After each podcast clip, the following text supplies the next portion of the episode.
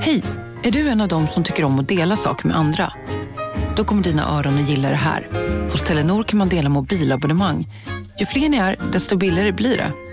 Skaffa Telenor familj med upp till sju extra användare. Välkommen till någon av Telenors butiker eller telenor.se.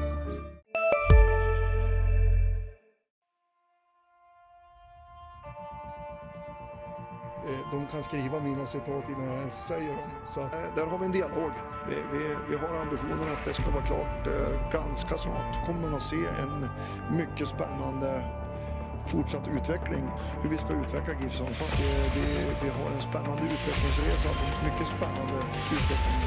Han var klok nog att välja Sundsvall som nästa utvecklingsmöjlighet. Det är en spännande lösning. Spännande forward. Väldigt spännande central mittfält. Du lyssnar på GIF-podden. I den 85 matchminuten, Peter Wilson. Du lyssnar på GIF-podden som är tillbaka med ett nytt avsnitt med mig, Lukas Salin och dagens gäst. Vill du presentera dig?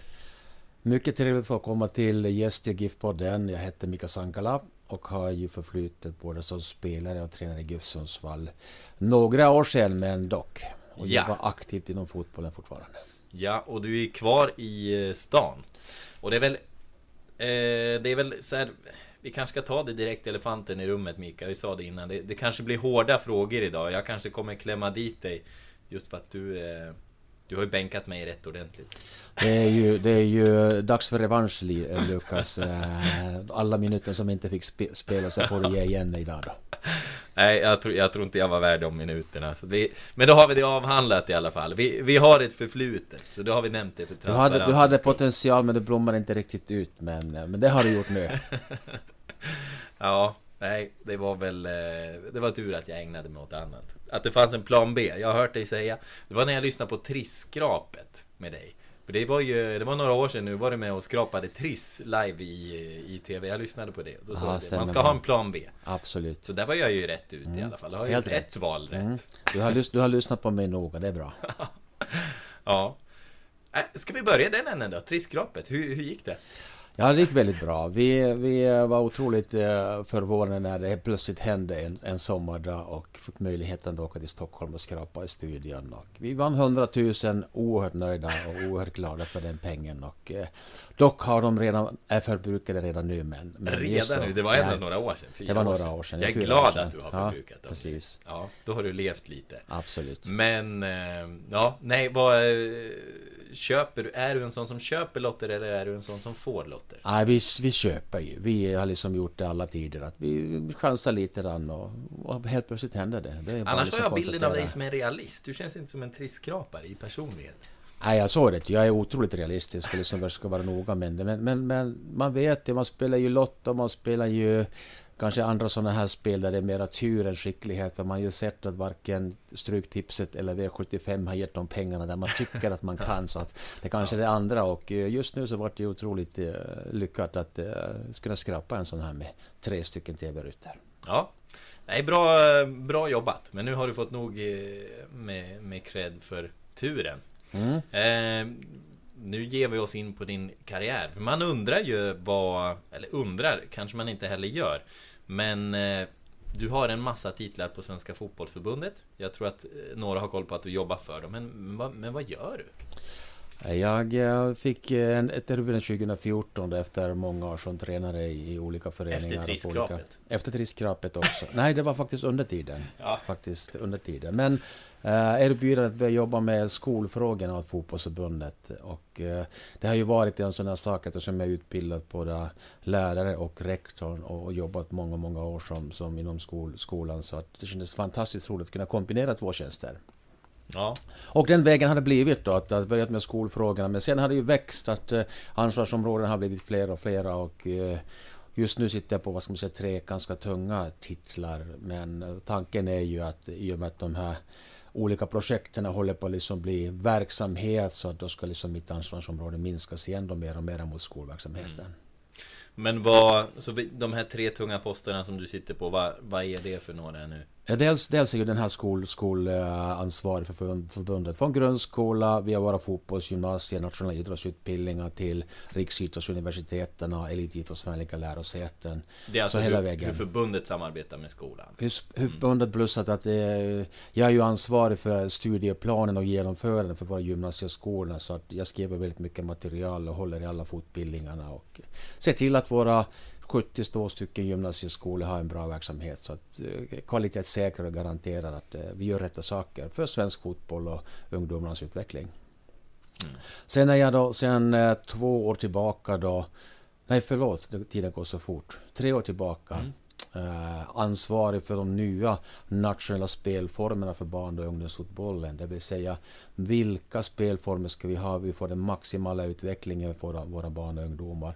Eh, mycket forskning, mycket resande, tagit studier, mm, besökt andra länder och tittat. Och vi har ju fastnat i en svensk modell som vi har gjort klart och som kommer att gälla från och med 1 januari 2019. Det vill säga Okej. Startar man som 6-7-åring då spelar man 3 mot 3. Därefter spelar man 2 år 5 mot 5. Så spelar man 3 år 7 mot 7. 2 år 9 mot 9. Och från och med 15 års ålder så rekommenderar man att spela 11 mot 11. Men med, med massa pedagogiska riktlinjer och regler som är anpassat för att så många som möjligt ska fortsätta att spela fotboll.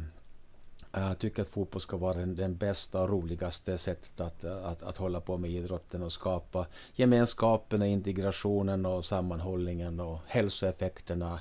Inte bara titta på landslagsverksamhet utan tvärtom. Fotboll ska vara för alla. Den här folkrörelse... Folkrörelsebiten precis att, att eh, vi försöker se till att, att eh, vi ser ju på alla idrotter egentligen det, det kommer en dipp där kring 10-11 års ålder och så nästa dipp kommer kring gymnasieåldern. Att hur ska vi kunna skapa förutsättningar som gör att flera vill fortsätta och flera känner att de utvecklas och tycker det är roligt. Så att det är en, ett stort arbete som vi har startade med vår spelutbildningsplan som blev klar 2012.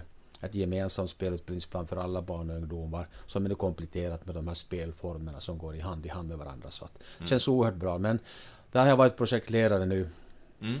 tre år och, Och nu eh, går det i mål liksom. nu har det gått i mål så att nu är det beslutat utav vårt redskap. Så nu ska det bli verksamhet, det vill säga att då kan jag kliva av som projektledare. Och Mm. Men du har, du har tagit fram det? Eller varit Jag har varit ledande i, det projektet att tagit fram de här med, med distrikterna, med våra elitföreningar på herr och damsidan och våra experter på, på olika utvecklingsområden, idrottspsykologin och fotbollsfysiken och sånt där. Så att, gigantiskt stort arbete som nu är i mål så att det, det känns bra. Mm. Och sen, Det var eh, två. det var två. och den tredje är att vi har gjort en, en ny organisation kring, kring eh, utbildningsavdelning där vi har utökat antalet tjänster som tidigare hette riksinstruktör till nationella fotbollsutbildare som från fyra tjänster till åtta tjänster. Och där blev jag då tillfrågad att bli gruppchef för de här åtta stycken nationella fotbollsutbildare som jobbade från, från Luleå upp i norr till Ystad ner i Så Skåne. det är olika regioner det är åtta olika regioner som vi har nu, som vi har nu gjort med, med våra distrikt och där man jobbar med tränarutbildning och spelarutbildning. Och det har också varit det första året har varit ganska så mycket jobb med att resa och träffa alla och få den här organisationen på plats. Men det ska också liksom bli ett permanent verksamhet nu vilket gör att ledarskapet blir inte lika stort som det har varit första året. Så att då kan jag återgå till min normala eller huvudsysslan med fotboll i skolan, verksamheten. Och mm. framförallt tänkte vi försöka utöka våran verksamhet inom grundskolan där vi inte har varit lika aktiva på några år med att ta fram lite nya planer och nya förslag. Utifrån hälsoaspektivet framförallt. Men det är så här, du har hamnat i ganska tunga uppdrag i förbundet. Hur kommer det sig att, att just du är utpekad?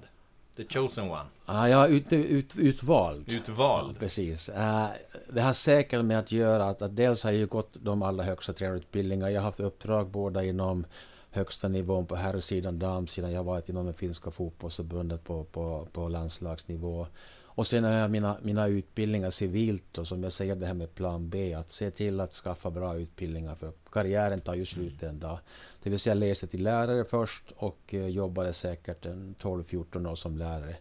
Och där under tiden så utbildade jag mig även till rektorn och jobbat fem år som rektor också i olika högstadieskolor. Så att det har nog gett den där basen för att kunna ha ett, ett, ett eh, ja, rätt, så, rätt så ansvarsfull och, och eh, komplett uppdrag. Absolut. Mm. Mm. Ja, nej för skolan är ju givetvis nära fotbollen och när du har båda, när du har båda delarna. Så är Och- kopplingen ganska tydlig. Ja, men vad, men ja. du, du berättade om liksom den svenska modellen sådär. Vad, eller lite grann att ni, ni tar fram en ny svensk eh, ungdomsmodell. Kan du berätta lite om, där är jag intresserad av eh, var, du, var du har hämtat inspiration eller var ni har hämtat inspiration till att, till att ta fram det här. Ja, inspirationen har liksom kommit när vi har tittat även hur andra länder har börjat jobba bredare. Det vill säga det som inom, inom Europa kallas för grassroot fotboll eller breddfotboll som vi ofta säger. Det vill säga att många ska vara med. Hur vi därifrån sen får fram de här bra individerna. Att, att man inte smalnar av balet från början. Det vill säga så att du är inte tillräckligt bra som sex eller åtta eller tioåring. Utan alla ska få vara med så länge som möjligt. Utslagningen kommer att ske men den kommer att ske per automatik med tiden. Så vi behöver inte skynda på den utan vi försöker få så många som möjligt vara med. Och också titta på vad är det för saker som vi behöver jobba med. Vilka färdigheter behöver vi öva för att för att liksom utvecklas och ta oss framåt utifrån, utifrån den sättet som vi vill att fotboll ska spelas. Um, så att mycket inspiration från, från, från andra länderna, mycket inspiration från våra uh, föreningar som har jobbat uh, med den här modellen tidigare.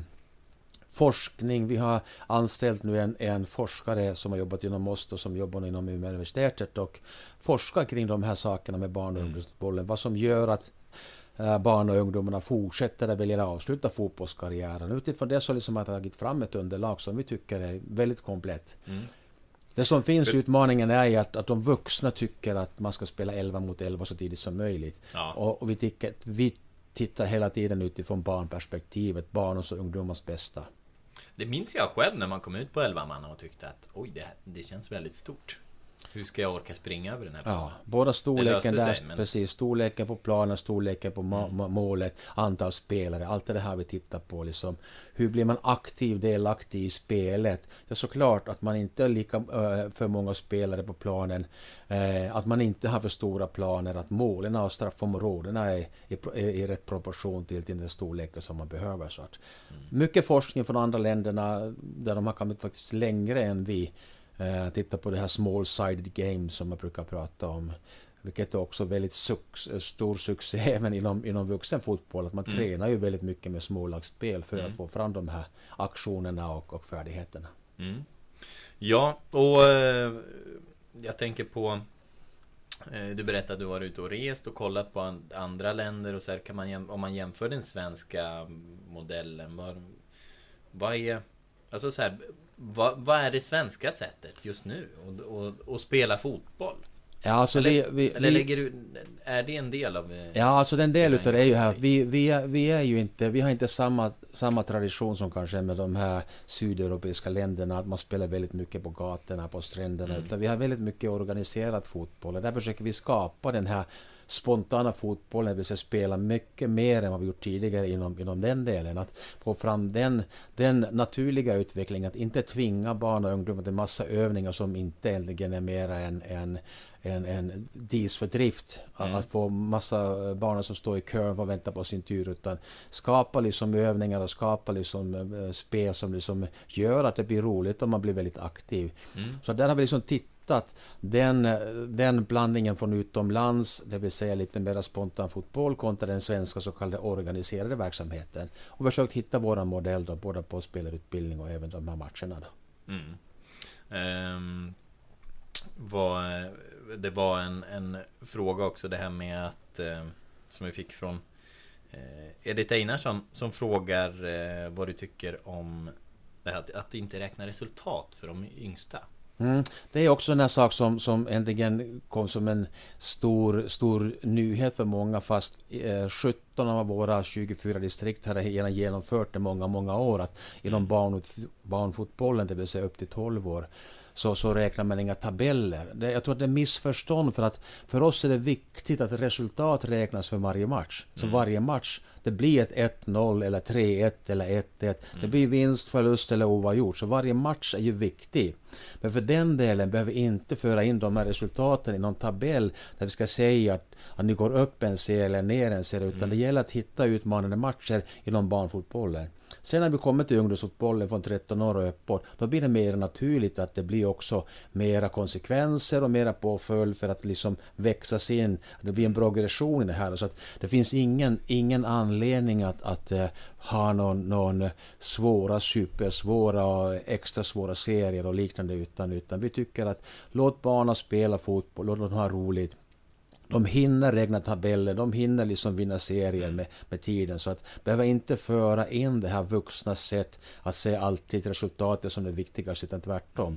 Låt det här spelet vara viktigare än resultatet. Mm. Men viktigt att poängtera att, att vi tycker det fortfarande är oerhört viktigt att man räknar alla mål. Man räknar hur matchen slutar, för det är också liksom en del av det här eh, att spela fotboll. Man vinner, man förlorar eller blir oavgjort. Mm. Och barnen kommer väl alltid räkna resultatet, så, så blir det ju. De Absolut, och det är, precis. Och det är, det är ju tanken också. Man ska vara nyfiken och veta hur det går för oss. Men sen också när en match har slutat 4-1 så frågar man när är nästa match? Mm. De frågar inte vad innebär det för tabellen då? Ligger Nej. vi nu fyra eller åtta i serien? Mm. Vad händer? Utan de vill bara veta, när är det nästa match? Okej, okay, mm. den här matchen förlorar vi eller vann vi? Och så är det nästa match. Så att eh, självklart viktigt resultat eh, för matchen men inte för att föra in någon tabell. Mm. Eh, i dina ögon, det, liksom, det, finns ju väldigt många olika skolor av fotboll. Du har liksom Det har varit väldigt specifikt att det här, det här är engelsk fotboll, det här är holländsk, det här är spansk. Men vad, vad, är, vad är svensk fotboll just nu?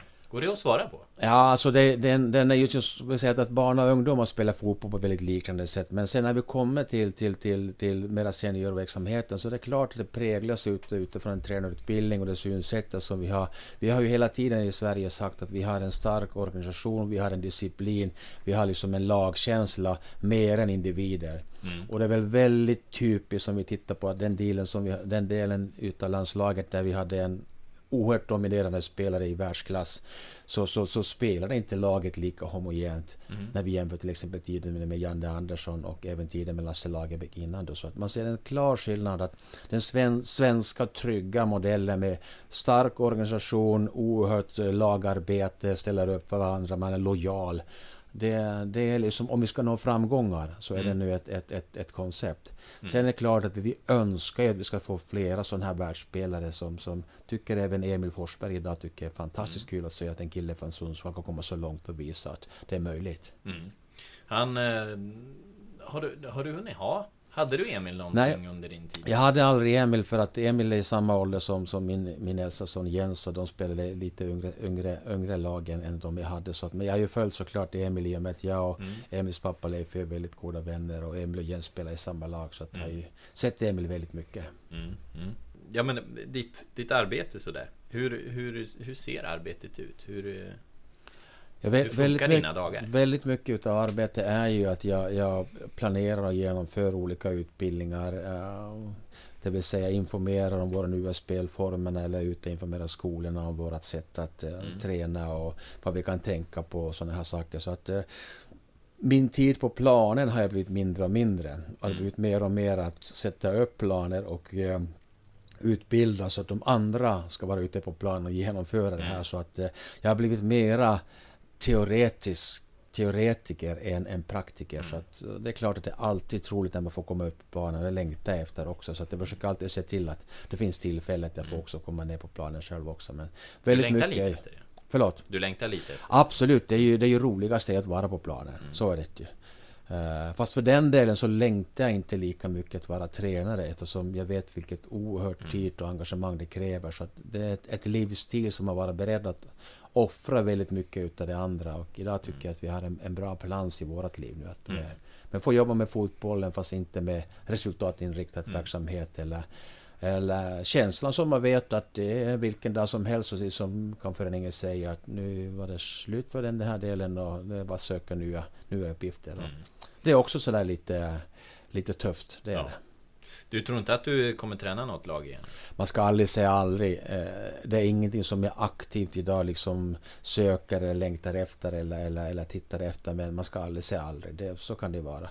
Kommer ett erbjudande som helt plötsligt känns att det här är helt rätt, det här vill vi göra. Så att det, det, då ska man aldrig säga aldrig. Mm. Absolut mm. inte. Jag, eh, jag pratade lite med Benny Mattsson här i eh, Giffarna när, när nej, och, och berätta för honom att du skulle vara gäst i podden och sådär. Har du haft, eh, i och med att hans roll är kopplad både mot eh, skolan och mot, eh, mot Giffarna sådär. Är han någon som du har haft eh, mycket att göra med? Absolut. Mm. Benny ringer ju mig lite då. Benny och Fredrik som har gymnasiet här i Sundsvall ringer mm. mig lite då. Kring det och så kanske kring lite Sundsvalls ungdomsverksamhet mm. också ibland. Så att absolut så är precis den, den, den delen utav ska man säga, utbildning som jag håller väldigt mycket. Som är kopplat till, till våra akademier 16 mm. till, till 19 år plus våra gymnasier 16 till 19 mm. år. Så det blir väldigt naturligt att ha kontakt med dem. Hur är intrycket av att eh, läget är här och samarbetet med, med skolan? Är alltså, jag, jag, tycker att här är det riktigt bra.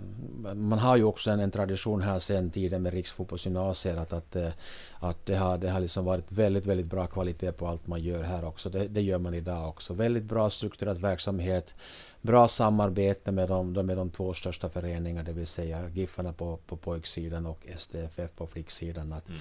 Det är oerhört viktigt för våra gymnasieelever att ha också den elitförberedande miljön på, på kvällstid. Nej men och eh, apropå eh, Benny Så äh, nämnde han det att han Han sa att du, du hade varit i Belgien Och kollat på ja. Äh, ja, på ungdomslagen där och det belgiska ja. systemet och eh, som jag förstod det då hade upptäckt att det, var, det fanns väldigt olika skolor, väldigt olika tillvägagångssätt att göra. Kan, kan du berätta mer om det? För jag gissar att du vet vad han menar. Alltså det som, det som är till exempel i Belgien var att, att eh, när de misslyckades då sitt, sitt eh, eget EM 2000 där så liksom tog de tag i det här också. Att skapa en spelutbildningsplan precis som vi har gjort lite senare. Och sen titta också på spelformerna. Men de var ju väldigt, väldigt bestämda att alla skulle spela 4-3-3. Mm. Alltså även från det att de började som allra yngsta. Så alla övningar, alla spel gick utifrån det att man spelar 4-3-3.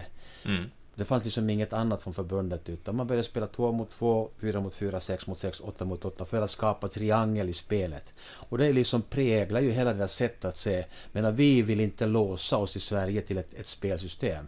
Vi har ju haft 4-4-2 som en liten grund, som en svensk. Men vill inte säga att det inte finns något annat. Man inte kan spela 5-3-2 eller 4-4-1 eller 4-1-4-1 mm. eller vad det kan vara. Vi vill ge mera kunskaper och färdigheter. Medan Belgien byggde på det att alla lär sig ett spelsystem och en organisation som bygger på 4-3-3. Mm. Så att de var väldigt, väldigt mycket tuffare att styra vad man mm. skulle göra, hur man skulle träna. Men vi har släppt eh, liksom, vi tycker det är mera svenskt. Eh, lite kanske fegt ibland att inte peka med hela handen men, men att man har större påverkan som förening och som tränare också att välja. Mm, mm. Eh, ja, för den här liksom den här, anser du att det har blivit liksom mer lösa tyglar i Sverige sett till spelsystem? Att det här 4-4-2 länge var väldigt självklart egentligen. Alla, alla ungdomslag som jag var runt var var väldigt 4-4-2.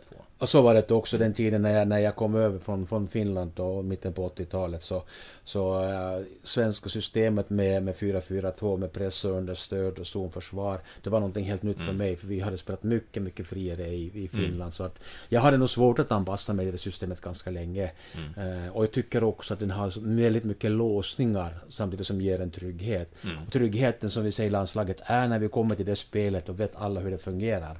Mm. Men det ger lite mindre frihet både till spelarna och tränarna så att mm. det måste finnas en flexibilitet, absolut. Mm. Eh, vad var annars intrycken sådär i Belgien just? De har varit väldigt omtalade för sin ungdomsfotboll. Alltså det är ju det att, att, att de, de, ehm, de vill också som vi ha väldigt många från, med från början då. Men sen börjar de sitt urval något tidigare. Det vill, mm. det vill säga att de har också ett akademiverksamhet som är mycket tuffare än, än här. Deras skolsystem tillåter inte på samma sätt som oss fotbollsgymnasier utan akademierna tar hand om ett antal spelare vilket innebär att de måste ju skippa ett antal skolämnen och väldigt få utav dem går ju ut med liksom fullständiga betyg utan de har satsat på att bli fotbollsproffs. Vilket inte vi liksom tror riktigt i den svenska modellen. Vi, vi jobbar mycket bredare och, och mycket mera att utbildning är oerhört viktigt för oss alla och sen får fotbollen komma liksom och komplettera den. Mm. Men du har å andra sidan då fler belgiska världsstjärnor i eh, dagsläget? Absolut, och de har ju också ett annat, annat, andra möjligheter. Deras proffsliga helt på, bygger på ett helt annat sätt med ekonomin och närheten i andra länder att kunna vara proffs. Så att marknaden för att bli proffs är ju mycket, mycket större. Sen är det ju klart att, att eh, man, man liksom alltid får välja att, att vad är det viktigaste? Är det viktigast att få de här toppspelarna, landslagsspelarna, eller är det viktigare att väldigt många håller på och tycker det är roligt att det blir en folkrörelse i, mm. i större mening? Och där är, vi, där är vi mer åt folkrörelsehållet än vad de är helt enkelt. Vi är mm. mycket, mycket mera för mm. den hållet. Vi är, vi är mera för den här grassroot-fotbollen mm. än, än många andra länder. Eh, kopplingen till, eh, till skolan här och Benny, jag tänker på Eh, har han berättat någonting om eh, Soccer Services? Eller kanske du har förhört dig om med, med, liksom, med Joel och Ferran också. Men, men, och det arbete som de har gjort. Vi, vi, får ju väldigt mycket erbjudande från, från, från olika företag och olika inriktningar och sånt där. Så att vi, vi, vi, vi är alltid beredda att lyssna. Eh, mm. Men, men samtidigt liksom tycker vi att det är ju mera en jag vill inte säga en affärsverksamhet, men det är som mm. ett sätt att, liksom att styra verksamheten på ett visst sätt. Och där säger vi det finns många olika sätt. Det mm. finns eh, cover coaching och det finns andra sätt. Liksom att, eh, och vi, vi säger inte att något är fel. Nej. Utan vi bara berättar, så här tycker vi man ska jobba. Sen kan det finnas olika metodiker, olika mm. sätt att göra det. Så att, Eh, vi har inte fördjupat oss i det. Nej. Vi har bara hört det men inte fördjupat oss ja. i det. Men det är, det är okej liksom att det Absolut. letar sig in i, i skolan? Absolut. Mm. Så att, så att det, det, det finns liksom ingen, ingen vi begränsar liksom inte metodiken utan vi bara säger att de här är de viktiga. Plus på skolan är ju också en annan viktig sak som jag glömde berätta. Att det är ju ett skolämne, det vill säga vi har ett ämnesplan och kursplan, mm. vi har betygskriterier. Det mm. finns ju ett antal saker som eleverna måste göra. Mm. där finns det inget, inget liksom alternativ. Mm. Sen kan man ha olika metodiker att göra de här och där kan de här olika sakerna komma in, absolut. Mm. Eh, men du själv, det, må, det, måste vara stor skillnad mot när du var när du var tipselittränare? Eller ska inte jag lägga i munnen på dig? Hur, hur, om du jämför dagens eh, GIF Sundsvall och tipselitverksamheten med när du var tipselittränare, för det var så tränarkarriären började. Ja, min tränarkarriär började, lite. absolut. Mm. Jag, faktiskt, jag prövade lite. Där. Jag hade Stockvik där ett par år, division 3, i början på, början på 2000, när jag precis hade avslutat min egen karriär. Mm. Efter några år i Finland igen då i division 2 där på somrarna. Men, men sen var jag ju tränare i Stockvik där ett par år och sen Tipselit 2004-2005 där i GIF Sundsvall.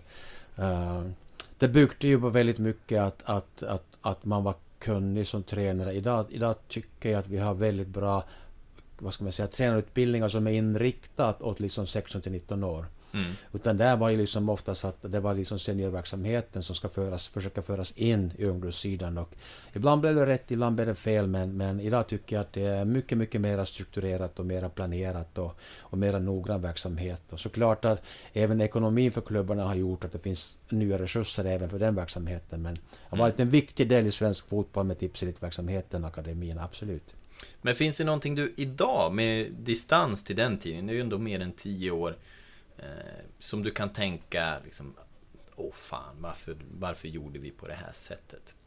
Ja, det, det, det, vi gjorde alldeles för mycket, vi hade alldeles för mycket övningar som liksom var monotona och, och övningar som liksom var till alla spelare. Liksom att, eh, idag är man ju mera noggrann att, att man, man tittar utifrån eh, periodisering och växling på, på, på uppgifterna också utifrån din position och, och de sakerna. Så att, eh, jag, jag tror att vi jobbade vi jobbade lite för mycket med allmänna saker. Vi kunde ha varit spetsigare på de, mm. de, de riktigt viktiga saker. Mm. Finns, det, finns det någon eh, person som svensk fotboll lutar sig extra mot? Förut hade du ju den här 4-4-2 grejen som kom in eh, mycket via Hodgson och, och, och så i, i, svensk fotboll. Den här engelska skolan. Eh, liksom, I Barcelona så pratar man mycket om, nu är det väl inte Guardiola det kommer ifrån, men, men du pratar ändå om ett visst jag tror att det, den sätt, stora, liksom, en stora viss pedagog. Mm. Ja, den stora skillnaden har ju blivit att, att från den strikta 4-4-2 svenska modellen som då infördes då början på 80 eh, och, och sen höll ju länge med IFK Göteborgs framgångar och sånt där. Så har man ju liksom blivit mera eh, öppen öppen för influenser för andra länder. Det har kommit in coacher från andra länder och, och, och, och, den vägen. Så att idag är man mycket, mycket mer öppen. Man är inte alls lika, lika strikt och lika noga med liksom att det ska vara exakt utan man kan till och med ändra formationer och man kan till och med ändra spelsystem under en halvlek. Så att det har blivit en stor mm. utveckling mm. inom fotbollen. Att man mm. har blivit mycket, mycket mer flexibel. Och Ta även spela av, mm. precis så, av alla andra influenser och eh, man är nyfiken. Man mm. åker utomlands och lyssnar på de andra tränarna. Och det gjorde vi ju aldrig. Vi, vi, vi, visste hur bra vi var och ja. det liksom räckte att vi fick liksom klappa varandra på axeln. Men, men idag så är man ju nyfiken och veta hur andra länder och hur andra coacher jobbar. Mm. Och även har öppnat det systemet för att kunna få influenser och mm. utbyte mm. med varandra. Mm. Globalisering. Helt, helt klart, helt ja. klart, absolut. Eh, men om vi, vi liksom här var lite, lite om ditt jobb, om vi backar tillbaka och är lite kronologiska. Du har ju faktiskt spelat fotboll också. Kommer du ihåg något av det? Ja, min, minnet sviker men, men eh, det är klart att det, för min del var det ju en stor sak då att eh, jag startade väldigt tidigt i Finland som, som 13-åring. i mm. Spelade i A-laget i division 3 och som 15-åring debuterade i högsta ligan. Och, eh, du måste ha varit en jättetalang på den tiden? Ja, alltså jag, jag, var ju, jag var ju... Trots att jag är senfödd på året så var jag väldigt tidig mm. i utvecklingen och, och, och hade liksom... Vad ska man säga? Tur med rätta förutsättningar. Mm. Eh, med, med bra tränare just den tiden när det behövdes att komma in i bra lag, så att komma in i landslagsverksamheten och den vägen så även då fick möjligheten då 86 att flytta till Sundsvall. Mm. Men, och, men där i, i Finland när du kom upp så tidigt Talades det mycket om dig då? Skrev man i tidningarna om det? Att här är en, är en 15-åring i högsta ligan? Ja, det hade ju varit alltså, jättestort om det hade hänt Ja, idag. men såklart. Men, men, men jag tror att på den tiden så var vi ju några stycken som, som, som började komma fram liksom ganska tidigt. Och det är klart att, att jag fick ju mycket rubriker. Jag hade ju möjligheten att få åka ett år till, till, till London och provträna med Tottenham Hotspurs också. Mm. Som, som 16-17-åring som årets mest lovande landslagsspelare på ungdomssidan. Och, så att det var ju, det var ju liksom, då klart var man ju uppmärksammad spelare, absolut. Mm. Men, men det, det, kan väl ärligt sägas att fotbollen har aldrig varit nummer ett i Finland. Vi har alltid fått stå i, i mm. skuggan av, av ishockeyn. Så att, eh, men, men såklart så att nu eh, tror jag att det är de, rätt så många som kommer ihåg mig som spelare i Finland de här mm. fyra, fem åren jag gjorde på elitnivån. Ja, men eh, när du kom upp då, där eh, provspel Tottenham berättade du, vad, vad, vad, hur var det då? På den tiden i England och få komma dit och göra en sån grej? Ja, alltså det var, det var ju klart att... Eh, att För nu det, talar vi mitten av 70-tal, typ? Nej, det här var det? 80, precis 80. 80. Mm. Eh, så att det var där 16-17 år, så det är klart att, att eh, det var ju oerhört tufft att komma in dit och konkurrera med deras, deras uh, spelare. Så att man fick ju ganska tidigt känna att nej, du, du får nog åka hem och mm. växa mm. på innan du kommer nästa gång. Mm. Fantastiskt roligt och utvecklande. Få träna med A-laget en gång i veckan och sen med, med ungdomslaget och, och andra laget och resten av tiden. Oerhört tuff skola i England, verkligen. Mm. Men samtidigt så ser man också att, att man såg ju lite av sina begränsningar. Att ja, det måste nu, jag måste nu komma på en annan nivå om jag ska liksom fixa mm. den här, den här mm. nivån. Så är det.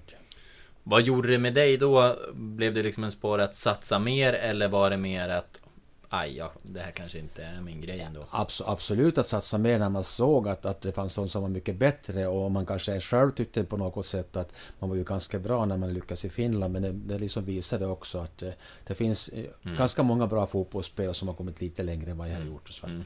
så det, var, det, var, det var liksom ingen, ingen nedslag utan tvärtom. Mm. Det spårade att, att försöka träna och bli ännu bättre. Mm. Hur gammal var du sen när du kom till Sverige och Giffarna? Jag fyllde precis 21 då. Mm. Så att jag Hur hittade ett, de dig då?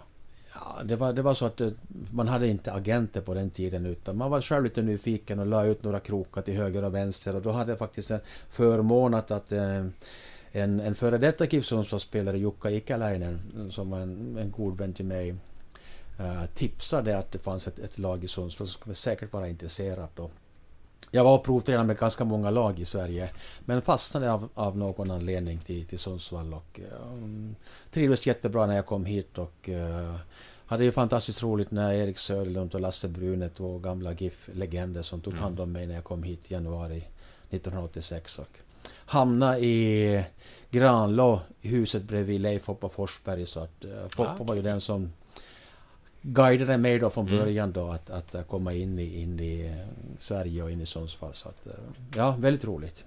Och det var ju ett eh, det var ett spännande och framgångsrikt GIF-lag. Ni, ni kom väl femma i Allsvenskan? Ja, det började att 86 hade, hade Sundsvall precis gått upp till, till den tiden division 2 som var den näst högsta serien och Anders Grönhagen blev tränare som var spelare året innan. Och till råga på allt så råkade vi vinna den här mm. division 2 norra mm. och gick upp till allsvenskan.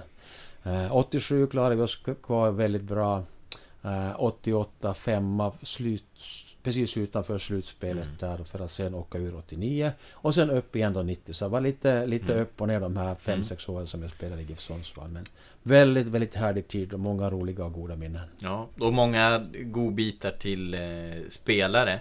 Inte minst tänker jag på att du fick vara med om när Thomas Brolin kom upp va? Det måste det var, ha varit där någonstans? Absolut, så Thomas kom ju den tiden precis och, och satt i spelarrådet och var och förhandlade hans kontrakt med, med Sundsvall. Gjorde du det? Ja, men spelarrådet Gjorde hjälpte spelarrådet dem. Ja, spelarrådet hjälpte då att förhandla kontrakten med de här yngre spelare och sånt där. Då. Så att lite besviken att Thomas aldrig hörde av sig till mig när han skulle gå till Parma och de andra klubbarna. Att, eh, där fick jag inte längre vara med och förhandla.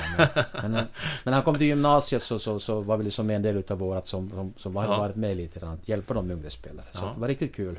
Okej, okay. intressant att det funkar på det sättet. Att det, ja, det var in, innan agenttiden. Det var innan agenter och innan liksom fanns det här riktigt, vad ska man säga, stora kontrakten mm. och sånt där också. Utan det var en kille som ska börja gymnasiet och hur ska vi kunna hjälpa ja. honom? Absolut. Men det här, jag tänker, det här måste ju vara, preskriptionstiden måste ju vara över.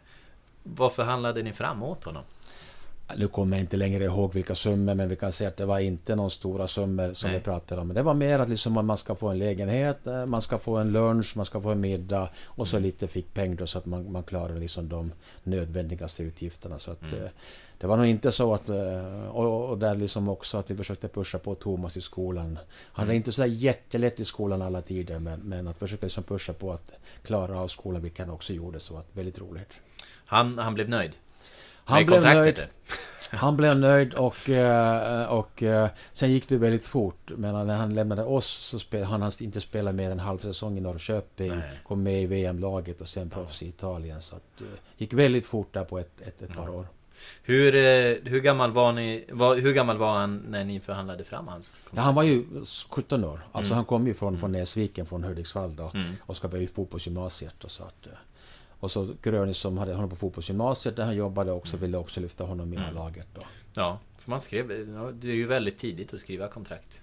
Då, men ja, men det, det, gjorde man med alla fotbollsgymnasieelever. Ja, alltså okay. de ska ju knytas till en klubb för att, ja. för att det ska säkerställa att de har bra träning även efteråt. Ja. Hur, eh, som spelare då?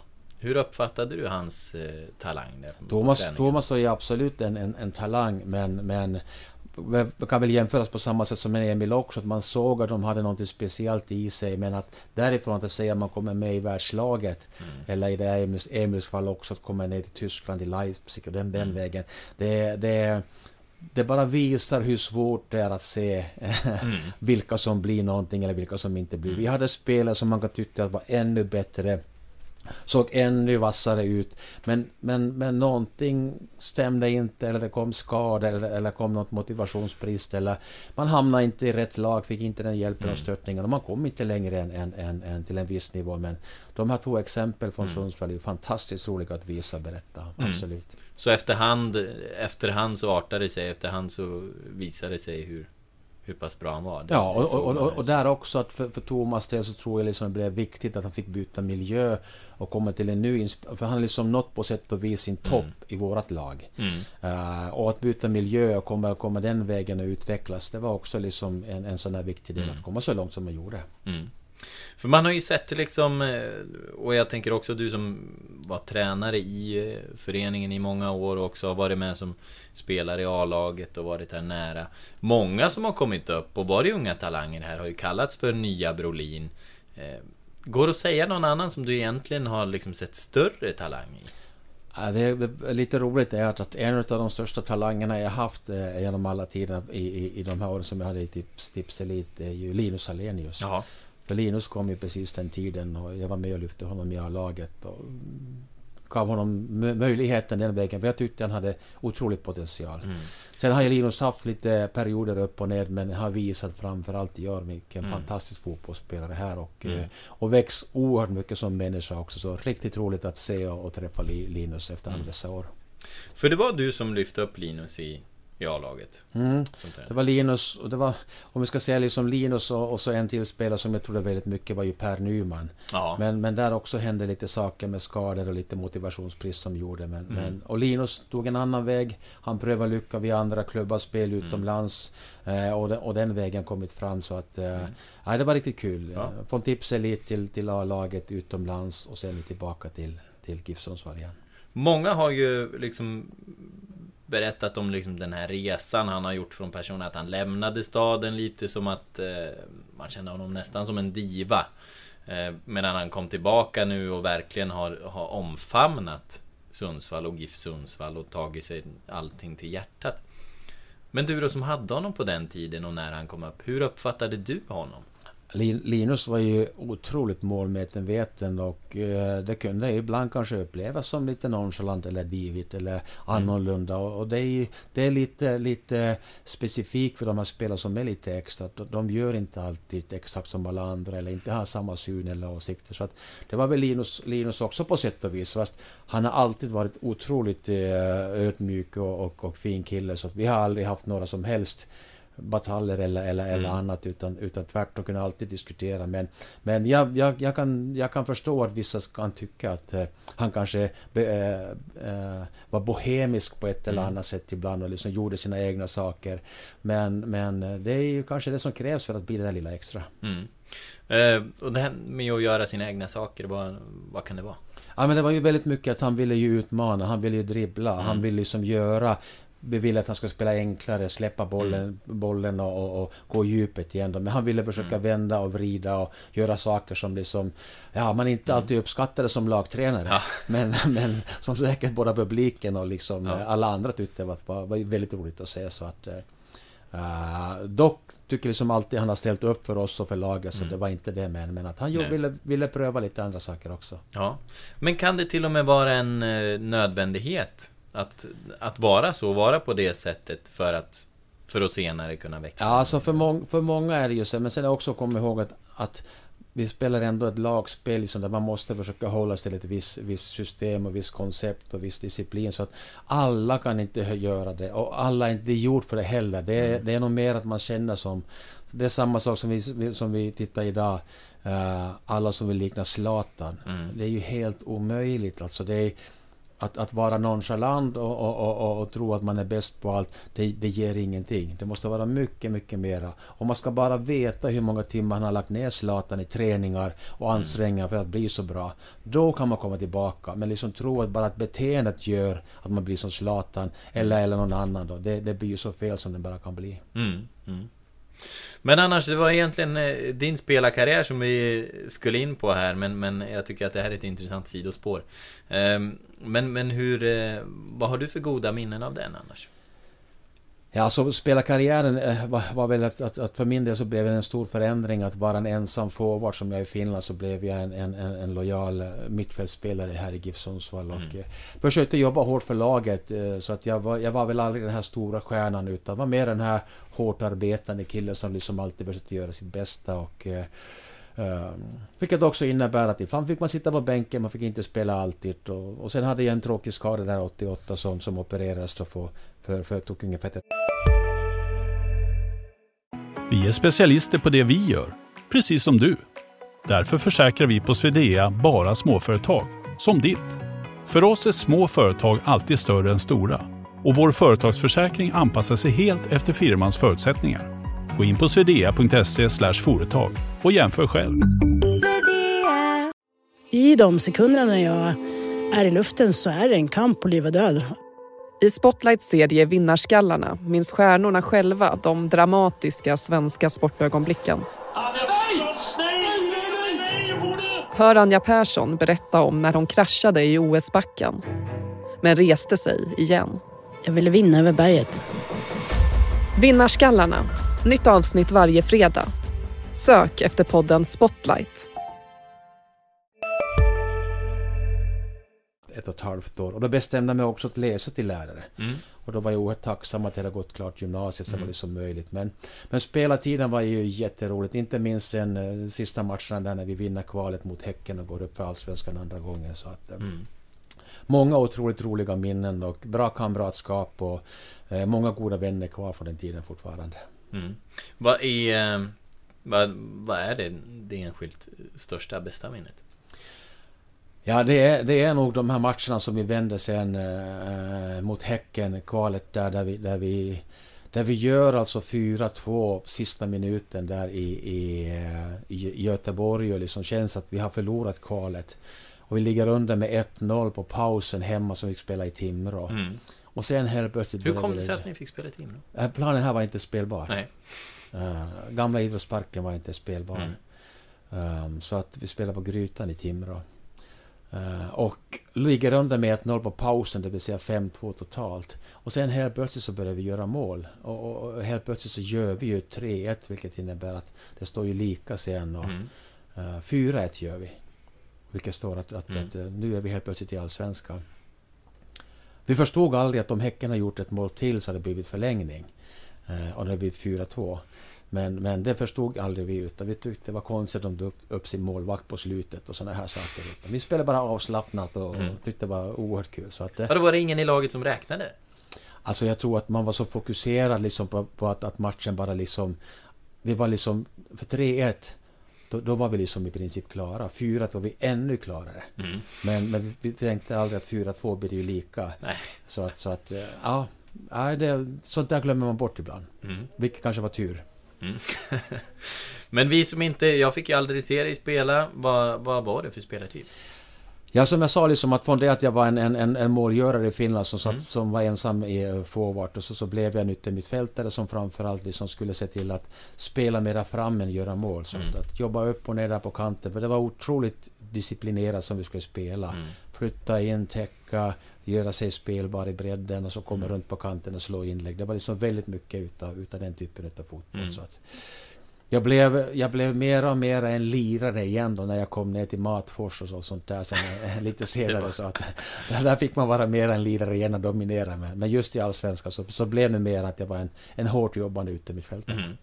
Men i slutet av karriären när du Du var i Stockvik någon sista eller tränade med Stockvik, Stockvik ja. Men pendlade till Finland Ja det, Hur funkar det, var, det här? Det har varit lite, lite märkligt eftersom ja. Min gamla, gamla modersförening Kaske IK Eftersom vi köpte ett hus i Finland på Kaske och jobbade som lärare så att jag var ledig på somrarna kan man ja. säga Frågade mig om jag skulle vilja spela med dem Division 2 i Finland ja. och eh, Ja, jag tyckte att det skulle kunna göra för att det kändes inte att karriären var helt slut än. Jag har liksom bestämt mig att när man nu blir ändå i kring, kring 30 år och sånt där så, så man kanske ska ge plats åt de yngre men jag var nog ändå så pass bra så att jag ville fortsätta. Mm. Och det blev en, en avslutning som tog sex år. Så under sex, sex somrar så spelade jag fortfarande i Finland på, på sommarlovet. Då. Det är sant. Till slut men, så blev det lite sådär... Bilade ville... du eller fick du flyga eller hur? Ja, det blev ju lite från, från början så så... Det väl, är det inte Finlands minsta stad eller något sånt? Finlands minsta stad med, med, med... De kan ha flygplats eller? Nej, nej, nej, nej. Näst, närmaste flygplatsen är ju Vasa som är 9 mil, 10 mil från Kaskö. Men från början så var det så att vi kunde liksom åka... Färjan gick ju från Sundsvall fortfarande. Vi kunde åka fredag kväll färjan över. Mm. Men så var vi där på lördag, spelade match på lördag, så åkte vi hem på söndag kväll. Så på måndag morgon var man inne här då och kunde jobba. Och... Du säger vi, var det flera som Ja, gjorde familjen åkte alltid med. Ja.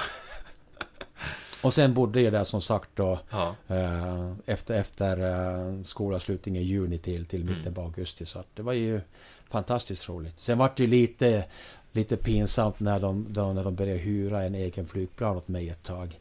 Då flög jag med tvåsitsig flygplan vår och höst för att kunna spela med dem. Men de tyckte det var värt. Det är ju en... Du har ju fått världens stjärnbehandling. Det här ja, hade inte Brolin i sitt kontrakt. Nej, nej utan det är nog de är Formel 1-chaufförerna som kör Formel 1-bilar och, och, jag som hade den att... Det var en flyg, tvåsitsig flygplan som kom och hämtade mig från ja. flygplatsen. Så flög mig till Vasa, sen hämtade bussen mig och spelade en match och kunde flyga hem samma kväll.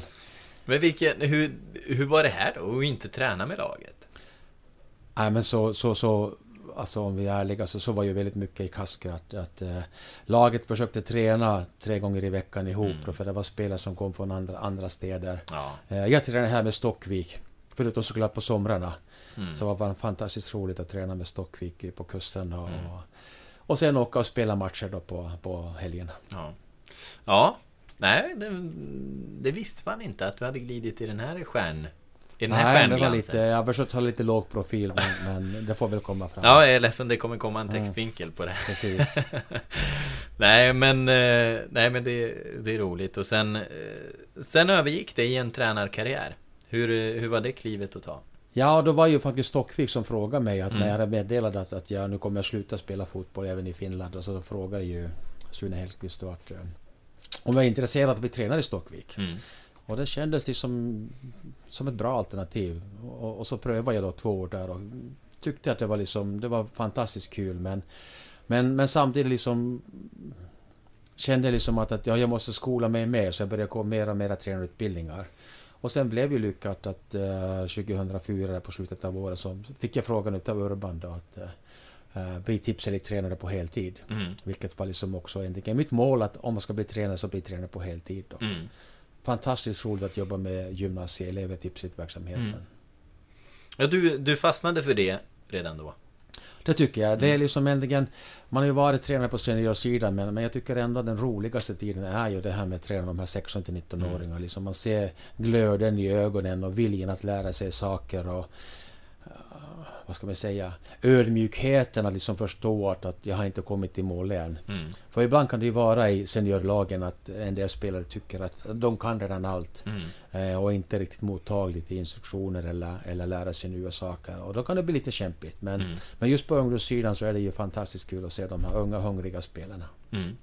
Ehm, Det har ju varit en del eh, fr- från de åren eh, som, som du var i Tipselitverksamheten. Det är några namn som har tagit en del kliv. Linus Alenius inte minst och, och Christian Ek var uppe i A-lag. Ehm, Per Nyman var ju också, Robert Lundström. Det, det finns ju många intressanta Absolut. talanger där. Absolut. Men jag tänker på som tränare och framförallt som ungdomstränare så måste det ju vara väldigt liksom känslosamt eller starkt om man får någon att komma till insikt som förändrar eh, en karriär eller tar dem vidare på, eh, på något spår. Fin, finns det någon sån där som du, som du kan nämna? Ja, men det, är väl, det är väl mycket av de här spelarna som nämner nämnde liksom också. Att, att det är klart att det blir en väldigt mycket, mycket eh, långa goda samtal om, om, om olika möjligheter och olika skeden i livet. Och också försöka liksom berätta vad som, vad som förvänt, vad, vad är det för saker som kan förvänta sig. Både goda saker men också lite tråkiga saker. Mm. Och att försöka liksom ge dem liksom den, den, den sanna bilden. Att det är Mm. inte, inte klart att, att du kommer bli landslagsspelare, proffs utomlands. Utan Mm. vi vet att av, av alla spelare i den- ålderskullen som, som finns så är det ungefär 1% som kommer att bli någonting. Så 99% kommer bli, om vi säger Mm. medelmåttiga Mm. eller goda fotbollsspelare, men kommer aldrig att kunna livnära sig eller komma så långt. Så att eh, väldigt många kommer att bli besviken. Så att det, det är klart att det måste finnas en balans i det här att bygga upp drömmar kontra se till att vi pratar om plan B. Att, Mm. att även, även säkerställa att jag kan göra något, något vettigt och nyttigt efter karriären också. Mm. Ehm, är det, av, av de här ungdomsspelarna, var det någon som gjorde starkare intryck på dig? Du har nämnt Linus. Alltså det finns, det finns ju, det finns ju eh, väldigt många som jag tycker liksom... Så att, så att något, något mer än han, men finns, tycker det finns väldigt många som var liksom väldigt kloka liksom i sin syn att se på saker och ting. Att vad, vad är möjligt och inte möjligt. Mm. Så att eh, det är klart att här i Sundsvall ville vi alltid att spelare ska komma via Sundsvall, Sundsvall att få den vägen. Och det var också en tuff tid. Till exempel Robert Lundström, så jag var ju tvungen att ta honom bort från, från A-lagstruppen. Vi hade inte så Mm. många platser till tipselitspelaren. Så Mm. Robert fick ju hänvisa till Timrå som vi hade samarbete med då. Och Mm. Robert hade liksom kommit den vägen. Så det är också roligt att se att, att, att spelare som kanske inte slog sig igenom direkt. Mm. För det ska man också komma ihåg att man slutar gymnasiet när man är 19 men snittåldern att spela allsvenskan, alltså debutera är kring 22. Så att flera måste ju spela längre någon annanstans Mm. innan de är i en allsvensk miljö, allsvensk klubb. Så att försöka förbereda till det också. Hur var det att ge det beskedet till Robert Lundström? Ja, det, är, det är aldrig roligt. Utan det, det, det är ju sånt där försöker man, försöker liksom man bygga på den här långa relationen. För annars blir det lätt att det blir personligt. Mm. Utan försöka liksom se liksom den här helheten och vad som har hänt och hur det har varit. Och framförallt berätta vad som är möjligt efteråt. Då. Mm. Att ha liksom bra andra vägar för spelarna. Att inte bara säga att tyvärr, lika bra du lägger av, du blir aldrig någonting. Utan Mm. tvärtom så att du vet att det finns många vägar. Vi har ju även GIF Sundsvall hade den här Medskogsmodellen där många av de yngre spelarna gick via Medskogs. Mm. Där även Robert Lundström faktiskt sen tillbaka ja. ett tag och spela, spela för att få lite mer seniorfotboll och sånt där. Så mm. det är oerhört viktigt. Mm. Ehm, och berätta sen, sen kom ju öppningen att ta klivet upp som seniortränare. Ehm, David Wilson fick sparken, det var väl så det... Det var, det var äntligen året innan redan. Vi hade Jan Halvor mm. Halvorsen också eh, som Anders Högman och, han hade A-laget och eh, det gick inte så där jättebra 20, 2006, 2005 precis. Så slutet på den säsongen så, så så, så fick Jan Halvor gå när det var fem matcher kvar och jag och Anders tog över och eh, gjorde ett tappert försök men det räckte inte till utan laget åkte ur, ur eh, allsvenskan då och eh, i samma veva så kände jag liksom direkt att jag vill tillbaka till Tips Elite. Eh, mm. Anders ville inte ta över laget eh, och då kom David Wilson in 2006. Mm. Och han eh, han frammålades ju som en... Det här är en, det här är en kanonvärvning. För GIF. Sundsvall. Och han eh, meriterad liksom, spelarkarriär från Manchester United, hade klättrat med Ljungskile.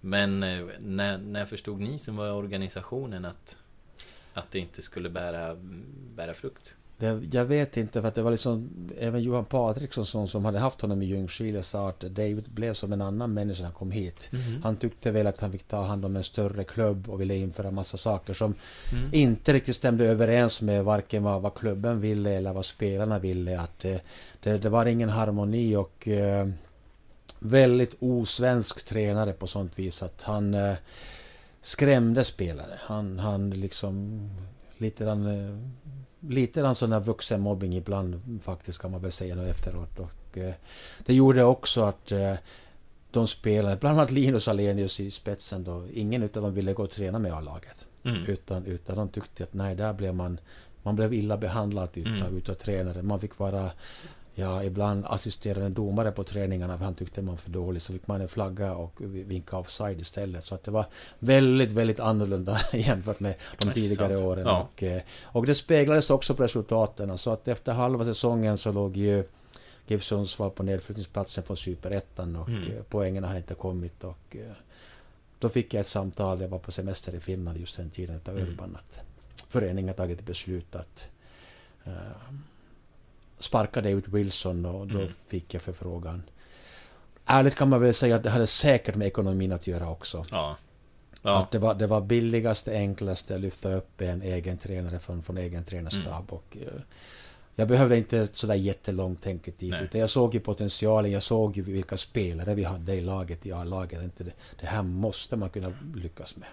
Men när man, när man tänker så här, spelarna vill inte upp i A-laget. Eh, Liksom, det, det, det, låter ju liksom som att det, det är en mur emellan. Ni hade inte så mycket samverkan, även om du var tipselittränare och han var A-lagstränare. Ni hade inte så mycket samverkan. Vår samverkan var ju liksom att han ringde och sa att han ville ha två spelare uppe i träningen. Ja. Mm, han var aldrig och tittade på våra träningar, eller vi hade aldrig några andra samtal. Ni hade inga det var möten, det, det här engelska liksom att mm. när manager säger en sak så, så får alla hoppa, eller alla får luda vad han säger. Att, mm. Och därför som kom också, det var tyvärr så, jag, tyvärr jag måste meddela att jag har ingen spelare som, som kan komma. Mm. Och då vart han ju lite irriterad på mig som inte lyckades övertala de här spelarna. Eller. Mm. Så att, att det, det, det, det klickade aldrig mellan oss heller. Nej. Det kan man säga. Nej. Ehm, och sen då, sen kom det upp i A-laget. Hur var det att ta över det A-laget? Hur var alltså statusen var, på dem? Alltså det var, ju, det var ju många spelare som redan varit med året innan när jag och Anders var där de här fem veckorna. Så mm. det var liksom ingen direkt Eh, en ny trupp eller, och sen de tränar alltid efter oss och sånt där, eller vi tränar efter dem. Så att det var liksom, man kände just alla spelarna och sånt där då, och jag tyckte att det fanns en bra harmoni och framförallt bra kvalitet. Så att det var, jag tyckte det var väldigt lätt att komma in i, i, i, i och oerhört tacksamt efter den stämningen som, som David hade skapat, vad ska man mm. säga. Att, eh, mm. Det var många som gick liksom axlarna långt nere och var, var lite rädda och ängsliga och sånt där. Mm. Att, och kanske liksom en av mina styrkor har alltid varit att skapa en bra känsla och glädje och stämning i laget och försöka liksom jobba den vägen mm. fram resultaten. Och eh, det, det, det tyckte jag... Första matchen var ingen roligt. Vi hade Falkenberg borta precis innan, innan serien vände. Uh, några spelade borta, jag kom alldeles ny och så förlorade med 3-0. Och så får man läsa direkt att det blev ju ingen effekt. Nej. Eh, Nej. Sen kom ett uppehåll ganska, ganska lämpligt så vi kunde träna lite. Mm. Jag hade inte ens haft laget mer än en träning den här första matchen kom så att det var... Och visst, visst, jag har fått för mig att det har skrivits någonstans att det var, det var ingen vidare fysisk status på dem heller, är det? Ja, så, så, så var det. Men det är väl, det är väl så man säger alltid. Det, det sa väl säkert jag också, att man tyckte det så spelar man inte i form. Men, men jag tror det hängde oerhört mycket med den mentala biten också. Mm. Att det var inte det att man egentligen inte orkade, men, men man, man, var, man var så nedtryckt utav, utav tränaren och resultaten såklart, man bara förlorar. Mm. Då orkar man inte heller. Nej. Utan jag tror att bara att vi fick lite, lite mera go, vi fick lite poäng, då kom ju också orken. Så jag tror inte vi gjorde någon, någon mirakel där. Utan, utan jag tror att det var mycket mer än den, den mentala biten också som gjorde. Men hur bygger man god stämning? Om det var en av dina Ja, styrkor? men det, är ju, det är ju att försöka skapa den här öppenheten och ärligheten i, i, i mellan, mellan oss ledarna och, och spelarna. Och ge spelarna också en frihet att, att eh, komma med tankar, idéer, berätta hur de känner. eh, om det är någon speciell saker som de tycker liksom att man har, man har liksom gemensamma saker som man försöker fundera över. Att Hur gör vi det här bäst tillsammans? Och inte bli som vi och dem, utan det här gör vi tillsammans. Vi försöker påverka, försöker bidra med det vi kan, det vi är bra på. Men det är ändå ni som är ute på planen som måste liksom utföra. Mm. Och skapa liksom den känslan att nu, nu blir det en, sak som är viktig för, oss- för oss alla. Mm.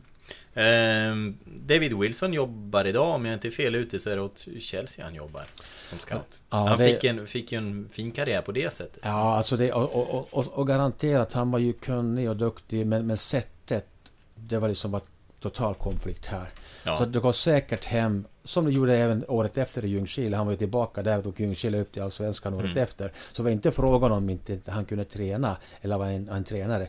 Men det, det sättet, det stämde inte överens med Sundsvall. Så att det, Nej. var, det var där den största klicken var. så att Ja. Nej, det det är intressant och visar att eh, olika pedagogik går på olika ställen kanske. Absolut. Men när du har varit i, eh, när du senare har varit i, i din tjänst som du har nu och sett runt om i Europa, finns den här stilen kvar? Finns det någonstans där den kulturen lever Alltså det finns, finns ju ytterst få tränare som är så. Det mesta har liksom blivit av den nya, mera ödmjukare. Eh, även erkänna att jag kan faktiskt inte allt heller. Utan det finns saker som jag måste också lära mig. Så Mm. den stilen är mycket, mycket, mycket mera eh, ska jag säga, utbredd i, i hela Mm. Europa än den här gammeldags Mm. som, som, som eh, en, en... Då klart får vi läsa ibland det finns fortfarande de här som är nästan, vad ska man säga, ensam härskare. Ja, Eh, Men, men jag, jag, tror, jag tror att den kommer att försvinna helt och hållet med tiden. ja. Ja. Eh, och sen eh, tiden eh, som tränare i Giffarna, det började bra. Ni slutade åtta i Ja, serien gjorde då. en- Ganska okej med, med... Fantastiskt. Vi, vi med tog ju tog flest poäng på hela hösten. Vi tog över 30 poäng på hösten och, och klättrade mest och eh, kom till en åttonde plats och eh, kände liksom att här kunde vi bygga vidare. Så att, Mm. eh, det kändes väldigt bra att kunna få fortsätta sen 2007 också. Och, eh, det var ju ett, en säsong som var ju liksom makalöst. eh, Mm.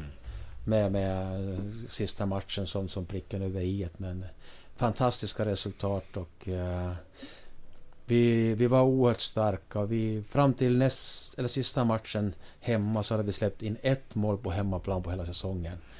Uh, tyvärr så förlorade vi den där näst sista matchen då mot, mot Degerfors.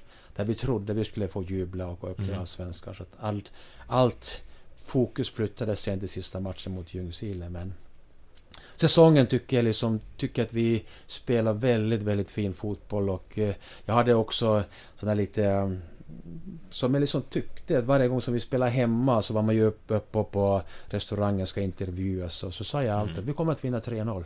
Mm. Det var varenda match, det var liksom mitt tips att vi kommer att vinna 3-0. Ja. Och jag tror att fyra gånger vann vi med 3-0 så hade man satsat på 3-0 så hade man gjort en bra hacka. Så jag tyckte vi var riktigt bra och, och, och var bättre än alla andra lag. Ja. Ehm, och, och eh, vad är de bästa anekdoterna du drar från, från den här tiden? Ja, det, det, det är ju liksom många matcher liksom där, vi, där, vi, där vi visste att det här kommer att vända. Alltså om, om vi ändå hamnade i underläge så liksom visste vi att det här kunde vi vända. Vi hade ju, hade ju Uh, Stefan Olander som mittback. Vi hade ju Fredrik Sundfors i mål. Micke Lustig som högerback. Och vi hade in, inte minst Johan Patriksson som, som, som våran forward. Uh, vi hade även tagit Tarmo Nemolo från, från Helsingborg då 2007 mm. som stor och stark uh, target player. Och, och Aras Bajart och liksom, vi hade, jag tyckte vi hade väldigt bra blandning med Tobbe Eriksson. Väldigt bra blandning liksom i laget med, med unga spelare, spelare som varit med, eh, Eh, skickliga spelare. Och, och då ser man liksom också att, att eh, precis den vägen som kommer Micke sen fram till landslaget med, det, med, med, med, med, sitt spel. Och vi spelar redan med väldigt offensiva ytterbackar som, som skulle liksom fylla på spela ganska strikt 4-4-2 men ändå liksom fanns det en viss frihet hela tiden. Då och, uh, Sen klart att, att det, det liksom, allting kulminerar sen i sista matchen med, med Ljungskile. Vi vet att vi måste åka dit. Vi mm. måste möta David Wilson som precis har fått sparken mm. året innan. De vill göra allt för att ja. inte vi ska gå upp. Och oavgjort räcker inte till oss och... Eh, och ni har deras gamla striker dessutom. Precis, precis. Så en sån här rolig sak var det också liksom att... Eh, i upptaktsträffen då så, så sa jag att, att uh, GIF Sundsvall kommer att gå upp till Allsvenskan och Johan Patriksson kommer att vinna skytteliga med 17 mål. Och det, så, det var inget som man liksom tänkte. Men, men uh, när vi sen uh, i Ljungskile så hamnade vi i uh, underläge 2-0. Uh, Patrik Eriksson Olsson gör självmål i slutet på första halvleken och känns liksom 2-0 på bortaplan. Ingenting som stämde riktigt. Mötte du blick med David Wilson här någon gång? Nej, nej, ingenting, ingenting då, utan det var mer liksom att, att, att, att, att, att när vi ska gick, gick in på pausvilan då så kom vi liksom några från styrelsen alldeles tokiga och sa att du måste skälla ut dem, du måste liksom du måste göra någonting. Liksom. Många hade synpunkter på när jag skulle ja. vandra till omklädningsrummet, men min tanke var liksom att om jag inte har skällt ut spelarna en enda gång på två år, varför ska jag göra det nu? nu? Det kändes inte heller rätt utan vi, vi satte oss ner och, och, och fick hämta andan och sen bara ställde jag frågan att, att det finns ett lag där ute eh, som spelar i blått och vitt. Det är de som kan vända på matchen. Eh, ingen annan. Så nu är det upp till oss då i GIF Sundsvall bestämma. Vill vi vinna den här matchen och så gå till Allsvenskan eller ger vi upp? Så nu häller jag alltid på en sista 45 minuterna. Och, och där liksom knöt ju spelarna verkligen näven och samlade ihop sig och med, med även Joel med i laget just då. Mm. Och, och eh, alltså nu, nu har vi liksom bara allt att vinna. Nu är vi, nu är vi inte i Allsvenskan, nu är vi Superettan. Men vi har möjlighet att ta oss till Allsvenskan. Och det går inte mer än fem minuter så gör Patrik eh, ett mål. Mm. Och så räknar vi, det är hans 17 mål. Så liksom känner att han måste gå hem. Vi, måste, han har gjort nu 17 mål. Mm. Eh, och mycket riktigt eh, Tobias Eriksson fantastiskt kort. Vi får Micke Lustig utvisad, frustration, sparka en spelare utanför planen och, eh, i deras pås. Vi spelar en man kort. Och så sa jag Tobias att Tobias jag är ledsen men, men sista halvtimmen måste du spela bara höger back och höger yttermittfältare. Vi kan inte ändra på laget. Och han kör på. Eh, verkligen fantastiskt bra. Och gör ett fantastiskt mål. Tiden går. Tre minuter kvar får vi hörna som blir inkast som Arash Bajat slår in och Stefan Olander som inte har gjort mål på hela säsongen nickar upp i krysset. Eh, 3-2. Vi helt plötsligt tre minuter kvar i Allsvenskan. Tiden, eh, matchen går till förlängningen. Benny Mattsson är med i laget också. Uh, matchen går till, till förlängningsminuterna, det är inte förlängning utan tilläggstiden, ursäkta. Uh, vi får en frispark när det är um, 30 sekunder kvar utav matchen domaren säger att när frisparken går så är 30 sekunder kvar och Arash Bayat och, och eh, Patrik som skulle ta hand om frisparken pratar om att vi... vi och Patrik är Patriksson. Patrik, mm. Johan Patriksson, ja. förlåt, förlåt nu. Nej det är okej, okay. det är okej, okay. vi är med. Johan Patriksson. Uh, bestämmer att ena utav dem skulle springa över bollen och den andra skulle slå den mot hörnflaggan för att få tiden att gå. Och Tobias Eriksson så, som, som hör det här så att är det inte bättre att vi gör mål så han tar frisparken och skjuter den rakt in i mål så vi vinner matchen med 4-2.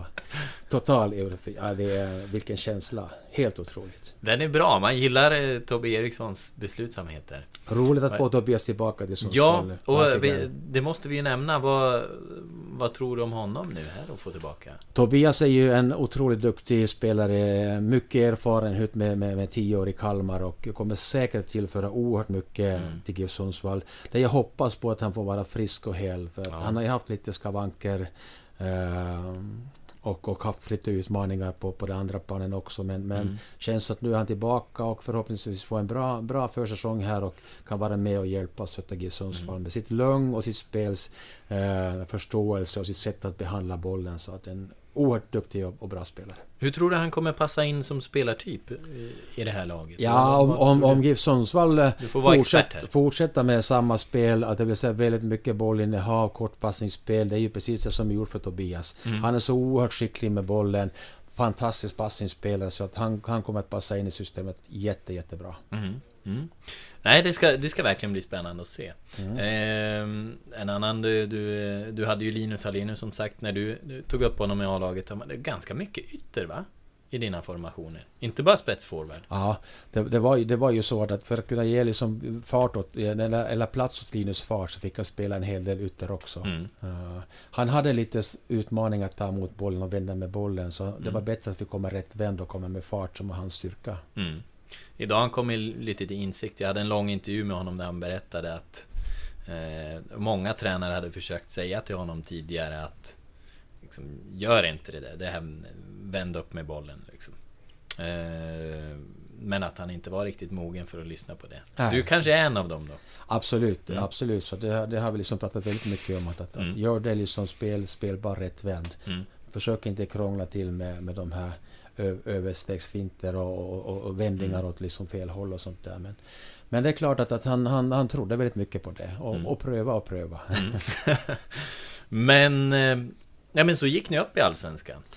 Upp till Allsvenskan 2008 och då kom ju olyckliga olyckan med, med Urban vilket gjorde ja. att hela föreningen hamnade lite i, i kaos och eh, hände väldigt mycket saker och eh, även där så kom ju, kom ju liksom styrelsen till mig och tyckte att eh, det är ändå liksom en skillnad en tipselit-tränare tränare i Allsvenskan. Och därför så ville man ta in en till tränare. Ja, det blev så småningom Per-Joar Hansen. Men, men, men vad tyckte du om eh, just det att ah, alltså, leda såklart tillsammans man, med någon? Man, man, jag var ju oerhört, oerhört besviken och var ju väldigt, väldigt nära att, att uh, kliva av helt och hållet. Så att, fortfarande en kvart innan presskonferensen så har jag inte bestämt mig hur jag skulle göra. Nej, innan han skulle presentera sig, ja. den presskonferensen. Ja. ja. Men då har jag ju träffat uh, Per redan ett par gånger och uh, det klickade ju bra mellan oss. Det var inte mm. det utan det var mera sättet som det hände och, mm. och, uh, och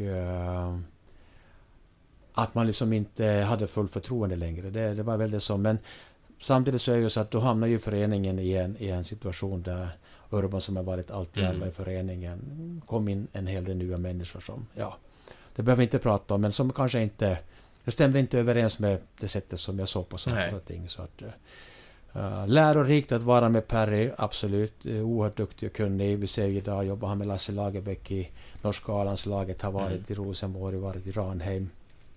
Ålesund. Massor av erfarenheter och duktig och eh, jag lärde mig också oerhört mycket.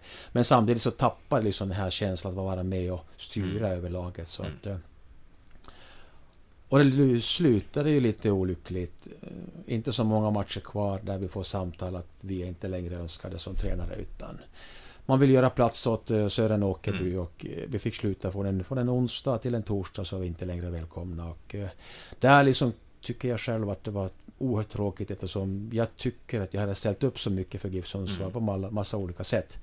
Att man liksom um, gjorde ett väldigt tråkigt avslut. De hade uttryckt strax innan att de hade fullt förtroende för er. Ja, det, är, det är ju det spelet som pågår. Ja, ja. Man har fullt förtroende tills man inte har det. Och det kan ske på en timme. Mm. Så timmen innan så har man fullt förtroende men timmen efter har man inte mm. det. Och så var det ju det här fallet också. Och, men ja. och, och det var ju också den här, den här förklaringen när ni fick gå. Jag läste att Torbjörn Wiklund sa i samband med det att nej, de har gjort ett fantastiskt jobb här. Eh, hur var det att lä liksom läsa det sen? Ja, men varför, varför, får man gå om man har gjort ett fantastiskt jobb? Hur, alltså hur la man upp det för er? Ja, alltså det, man, man vill ju gärna säga att det var liksom inte helt enkelt vårat, vårat fel. Det var inga dåliga träningar. Men vi fick inte resultaten med oss. Det var väl det som var största anledningen. Mm. Så att, så att Eh, just då liksom blir man så, så besviken så att man, man, man tar inte till sig liksom någonting. Utan man är mest besviken. Och, hade ni kunnat göra mer med era förutsättningar? Då. Det där är ju jättesvårt att säga. Det är, det är klart att det finns alltid saker sen efteråt, efteråt som man kan tycka att vi kanske borde ha gjort si eller så. Men, men vi, vi gjorde verkligen vårt bästa, försökte få ut allt det där utav det materialet vi hade. Och, mm. Men, men det blev som det blev och det är ingenting... Det, så är det. Det blev mm. fakta att, att uh, föreningen bestämde sig att uh, mm. vi var inte rätta personer att leda laget sista matcherna utan man mm. tog in Sören och uh, Dock lyckades inte han heller just, just den gången. Utan, utan det är ju det är ju svår uppgift, det vet man ju själv också när man går in på slutet. Mm. Att försöka ändra på, på några få matcher. Eh, och eh, där också under säsongen, eh, om jag inte är fel ute, vill vi ha en fråga om det. Från Edith Einarsson. Igen, det är en, det är en flitig frågeställare. Det är ett alias, Edith Einarsson. Så det är ingen gammal dam som, som skickar frågor. Men det hade också varit trevligt om det var så. Men eh, när Micke Lustig, han, eh, han blev såld där. Eh, ni hade tagit 16 poäng på 16 matcher med honom i laget, sen 2 på 8 när han lämnade. Eh, hur upplevde du den försäljningen? Gjorde det, gjorde det skillnad? Ja, det var väldigt olyckligt. För mm. att vi hade ändå, liksom, som, som, som du sa från början, liksom, ändå ett stabilt spel eh, som byggde väldigt mycket på våra duktiga försvarsspelare. Och, eh, jag fick aldrig riktigt veta vad var anledningen, om det var någon ekonomiska förutsättningar eller någonting annat som mm. gjorde att, eller om Micke hade stor önskan att få gå vidare. Och, mm. eh, eh så att, så att eh, det var väldigt olyckligt och eh, det visade sig också att det var en, en dyrbar försäljning. Mm. Eftersom vi, vi tappade våra spel helt och hållet. Micke var ju en stor del i våran offensiva spel framförallt. Även defensiva, även offensiva spelet i sin högerbacksposition. Mm. Hur, eh, hur ersatte ni honom? Nu måste jag fundera. Nej, jag har inte heller på Nej, jag på måste raken. fundera hur vi, hur, vi, hur vi möblerar om laget då. Um, Alltså just nu kommer jag inte ihåg. Alltså det är, man, sån här förtränger man känner mm, det går mm. ingen bra. Nej. Så man, man, man kommer inte ihåg. Men, men tanken var ju såklart att, att, att ändra så lite som möjligt. Ja. Uh, jag tror att även Tobias spelade högerback ett antal matcher ja, där. Att han var omskolad till högerback ett antal matcher. Och, men vi lyckades aldrig få ut den samma effekt, så är det. Mm. Men sen var, sen var det också lite knöligt där efteråt. Uh, du skulle, du, du skulle ju till Umeå. Men det var fortfarande lite knöligt eh, med eh, kontraktet med Giffarna? Alltså vi, vi hamnade ju i en, en, en väldigt tråkig situation med, med GIF Sundsvall och, och, med de personer som var i föreningen då. Att, uh, vi var ju ense om mitt kontrakt skulle gälla även nästa år som jag hade skrivit på eller om de, fick, om de hade rätt att säga upp det för att mm. ja, det blev en, en väldigt tråkig historia där.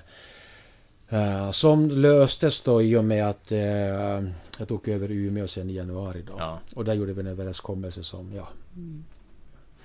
Man, så nöjd som man kunde vara så kunde vi liksom mm.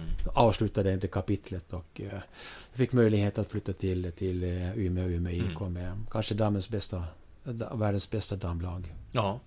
Eh, om, man, om man stannar till där vid, vid Giffarna innan vi... Jag tänkte vi ska avsluta lite med Umeå.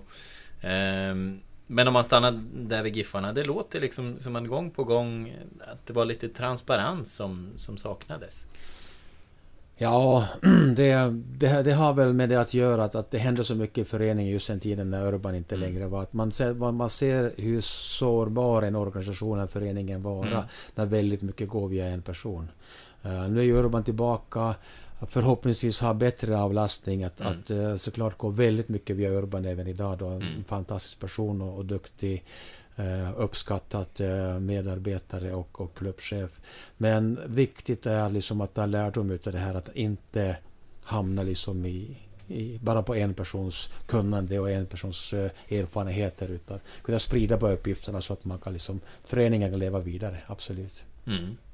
Um, hur är och relationen till GIF Sundsvall idag? För den avslutades lite syrligt, men hur är den idag? Ja, alltså GIF Sundsvall är liksom mitt lag. Jag kommer alltid att vara liksom att... Uh, som tur är så även är det laget blått och vitt. Mm. Som, som Finland. Så det är lätt att tycka om, om det laget. Men... men och på blå-vit tröja nu också, ska vi säga. Absolut. Uh, men men uh, jag försöker ju, ju, hjälpa och stötta GIF Sundsvall så mycket som jag kan. Så att jag har ju samtal med Urban, jag har samtal med Johan Nikola, jag har samtal med Benny.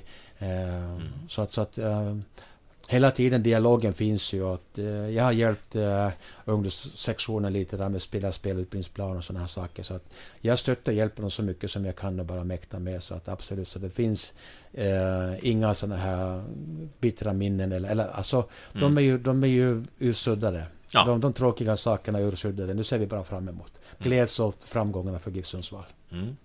Ehm, där, sen, sen i, eh, i Umeå, ja hur var det att ta över dem? Det, var, det var, blev ju också en lite turbulent tid som du fick ta över dem i, men ni hade något framgångsrikt år. Ja, vi hade... Vi, Umeå IK har varit den klart mest framgångsrika föreningen då.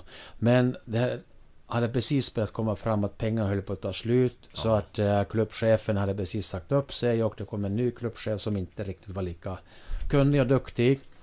Uh, flera utav de allra bästa spelarna med Marta i spetsen försvann ju till proffsligan i USA som hade precis startat. Så att vi fick en liten, liten uh, uh, tuff start där. Men, men ändå så fick vi ihop laget fantastiskt bra. Tack vare till exempel en spelare som Hanna Ljungberg som mm. är oerhört duktig spelare, oerhört viktig för laget för att bygga liksom en, en, en bra känsla. Vi ledde serien efter, efter halva säsongen med sju poäng. Var i, jag tycker jag var överlägsen. Vi slog alla. Vi var i semifinal i Champions League. Men sen blev det tyvärr så att när vi kom hem från, från, från eh, Champions League-matchen där i slutet på juli. Så det var, fick vi sms från klubben att uh, pengarna är slut. Uh, tyvärr kan vi inte betala ut lönerna utan, utan vi, vi jobbar på det här då. Och då kände man liksom hur luften gick ur mm. oss, oss alla. Tjejerna var ju liksom unika, att de allra flesta var heltidsanställda på ett eller annat sätt. Det vill säga. Mm. Själv hade jag ju familjen i Sundsvall, eh, bodde i Umeå och ska försöka förklara att jag vill fortsätta mitt jobb i Umeå men jag får ingen lön. Men det kommer att ordna sig så hoppas vi klarar oss med mm. en lön här nu ett tag. Då. Varför ville du fortsätta? Då? Alltså man har, man har ju liksom en en lojalitetssak liksom mot, mot klubben och uppdraget som man har. Och, och eh, vi trodde nog vi skulle ro hem det där helt och hållet fortfarande. Men det blev ändå så att eh, vi tog oss till finalen i Svenska Cupen. Vi förlorade den. Vi tappade på slutet poängerna mot Linköping. Vi blev tvåa i serien. Vi blev utslagen i semifinal i Champions League. Så vi blev tvåa på allt den säsongen. Ja. Ja, men ni, ni gjorde stora grejer och du fick vara med om det. Absolut. Liksom de största grejerna ja, på, på damscenen innan Verkligen. Du... Och, och, möta alla de här spelarna. Ja. Fantastiskt roligt. Vi var även till USA och mötte deras Allstars lag när deras säsong var slut. Mötte mm. de allra bästa spelarna och uh, där fick jag även ett erbjudande att bli proffstränare i USA för damligan. Mm. Uh, steget kändes liksom rätt och bra, men jag tyckte att betalningen var inte tillräckligt bra för att flytta hela familjen dit. Nej. Vilket visade sig också sen att året efter gick ju ligan i konkurs. Ja. Då hade, man, hade man flyttat dit familjen och allt möjligt och det blivit konkurs där så vet jag inte hur det har gått med.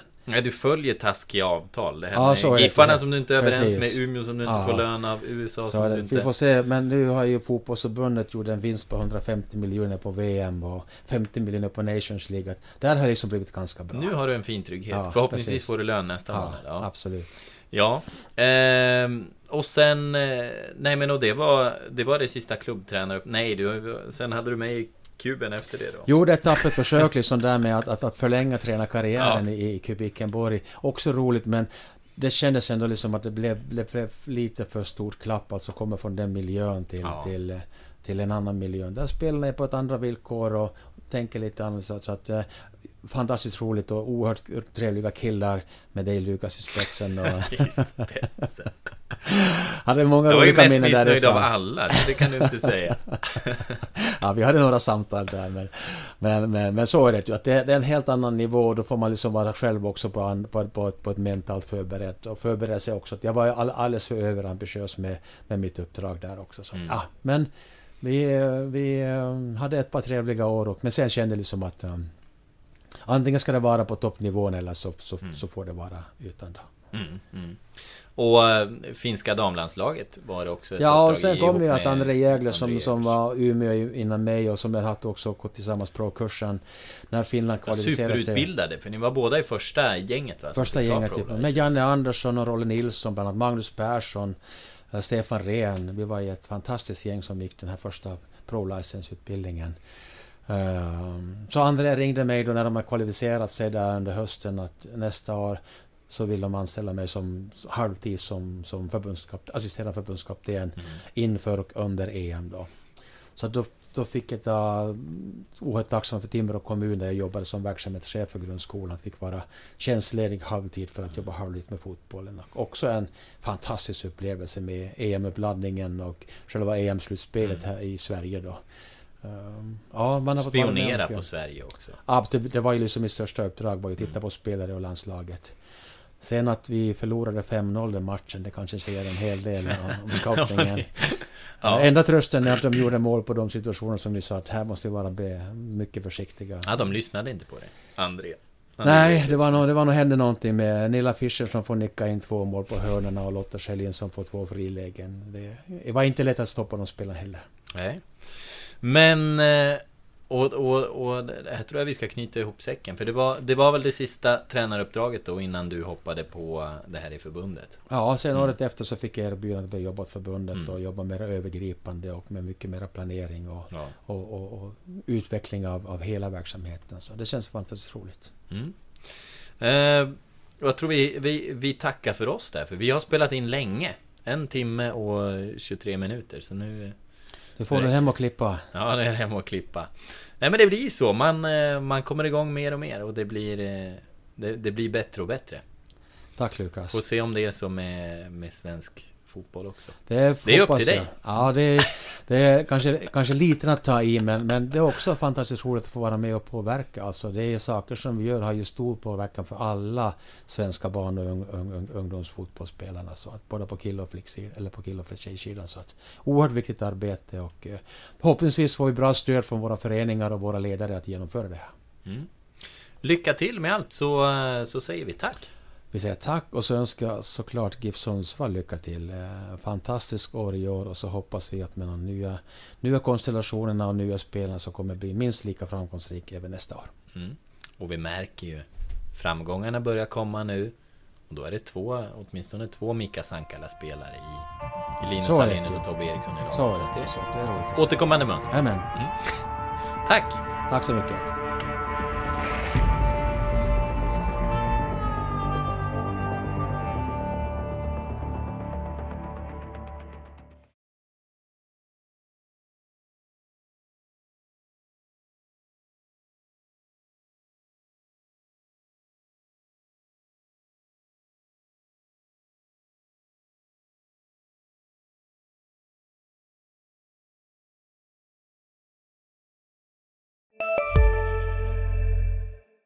Var du än är och vad du än gör så kan din dag alldeles strax bli lite hetare. För nu är Spicy Chicken McNuggets äntligen tillbaka på McDonalds. En riktigt het comeback för alla som har längtat.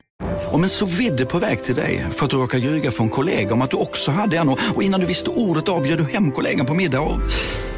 Då finns det flera smarta sätt att beställa hem din sous på. Som till våra paketboxar till exempel. Hälsningar Postnord.